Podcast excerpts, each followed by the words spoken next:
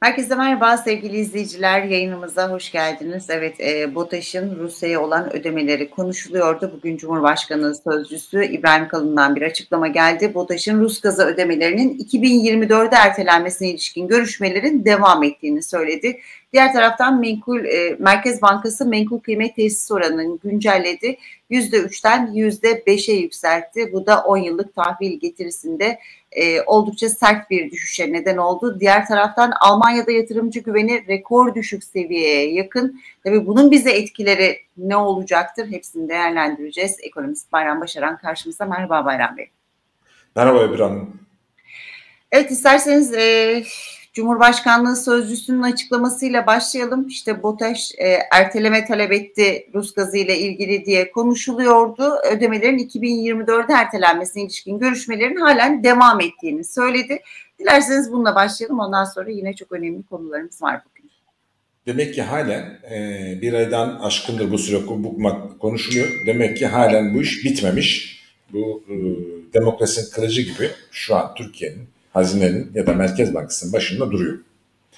E, şu an döviz talebi düşmüyor. Tahtakale piyasasında döviz fiyatları e, yükseliyor. Yüksek seyrini sürdürüyor. Dolayısıyla e, bunun bir nedeni de BOTAŞ'ın dövize olan ihtiyacı. Önümüzdeki dönemde bu dövize ihtiyaç daha da fazla artacak. Arttığını bildiği için de Merkez Bankası az önce sizin dediğiniz gibi sürekli dövize yönelik bankalara ve piyasaya baskılarını artırıyor. Nereden görüyorsunuz? Ee, bankalara diyor ki eğer ne kadar döviz fazla bulundurursanız onun karşısında tahvil bulunduracaksınız diyor. Maliyetlerini artırıyor. Çünkü tahvil faizlerine talep arttığı için faizleri düşüyor. Bankaların döviz maliyetleri artıyor yukarıya doğru. Ya satacaksın ya da maliyetini yükselteceğim senin diyor. Da bu da ekonomi enflasyon olarak diyor. Sonuçta bu e, bedelini, bu artışın bedelini birileri ödemek zorunda. Kim ödeyecek? Enflasyon olarak ödemek zorunda.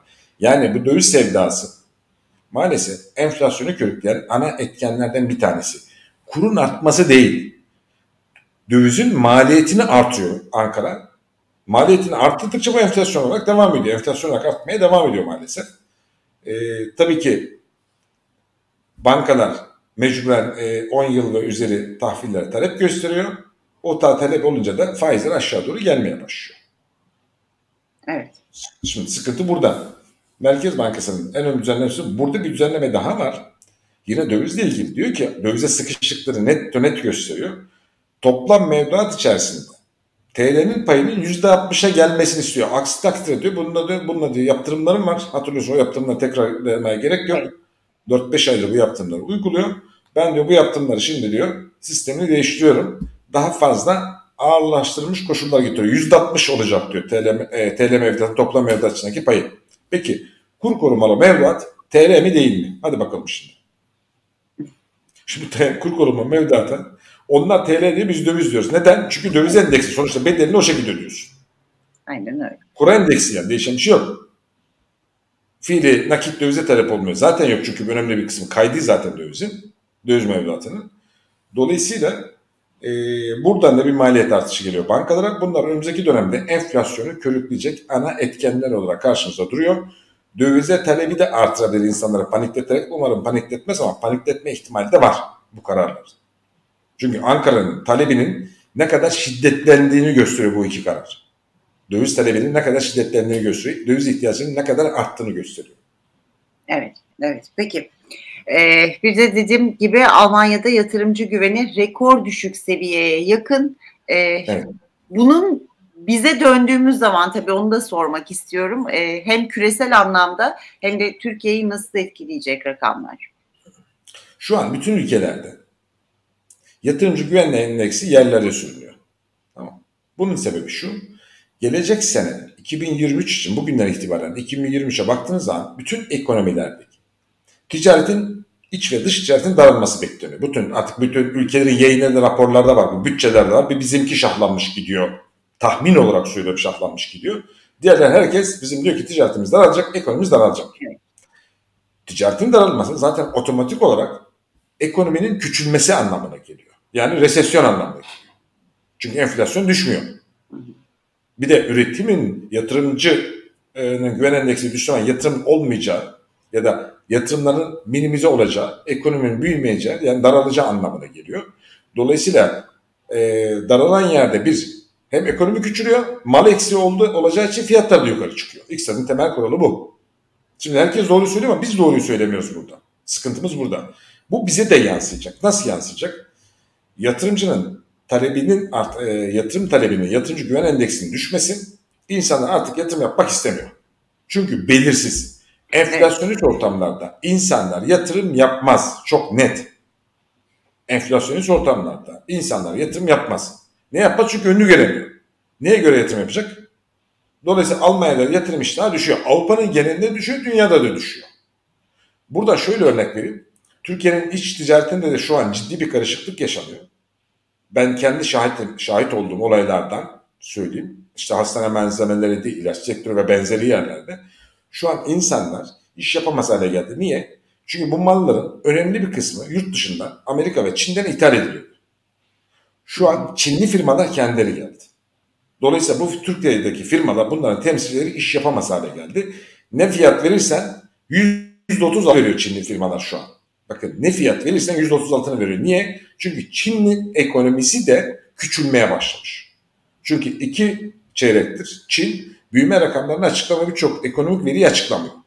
E, rekabet yani edilemez bir durum o zaman %30. Yani, tabii ki şu an rakamlar karartılıyor bizdeki gibi.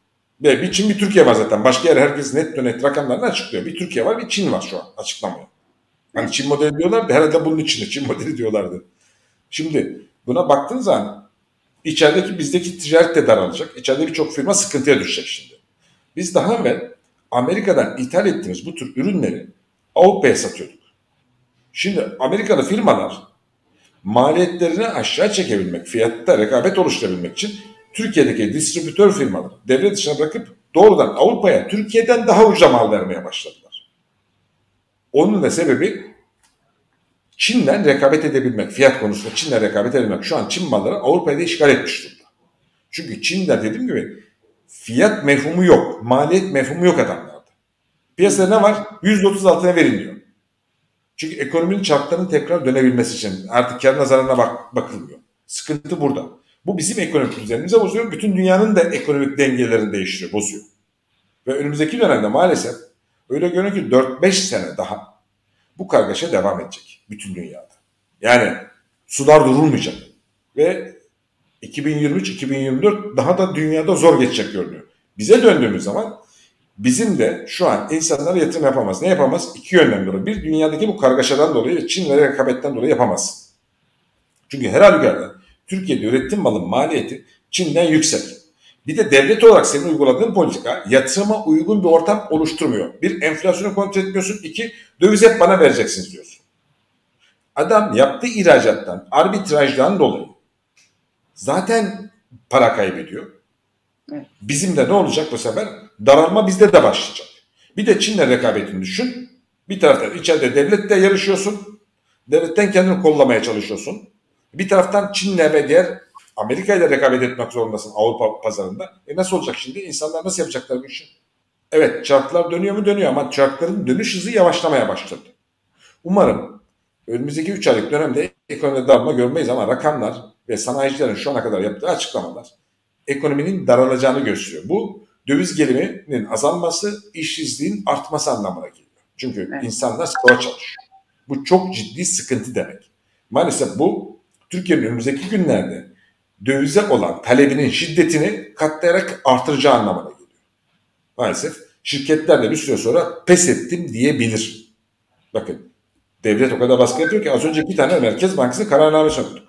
Yönetmenin okuduk. Ne diyor?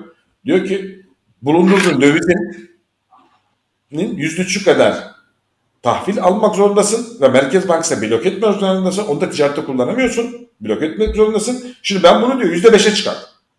Şimdi çok yanlış bir karar. Bana sorsanız yanlış karar. Çünkü ekonominin diğer birimlerini bunu nasıl etkileyeceğini düşünmeden alınmış karar. Diğer taraftan diyor ki halk yanaşmıyor. Şu an Türkiye'deki döviz tevdiatın kur korumalı dahil döviz mevduatının e, toplam mevduatının yüzde yetmiş bir döviz endeksi. Döviz veya döviz endeksi. Hı hı. Diyor ki bunu siz diyor tersine çevirin. TL mevduat yüzde altmışa çıksın.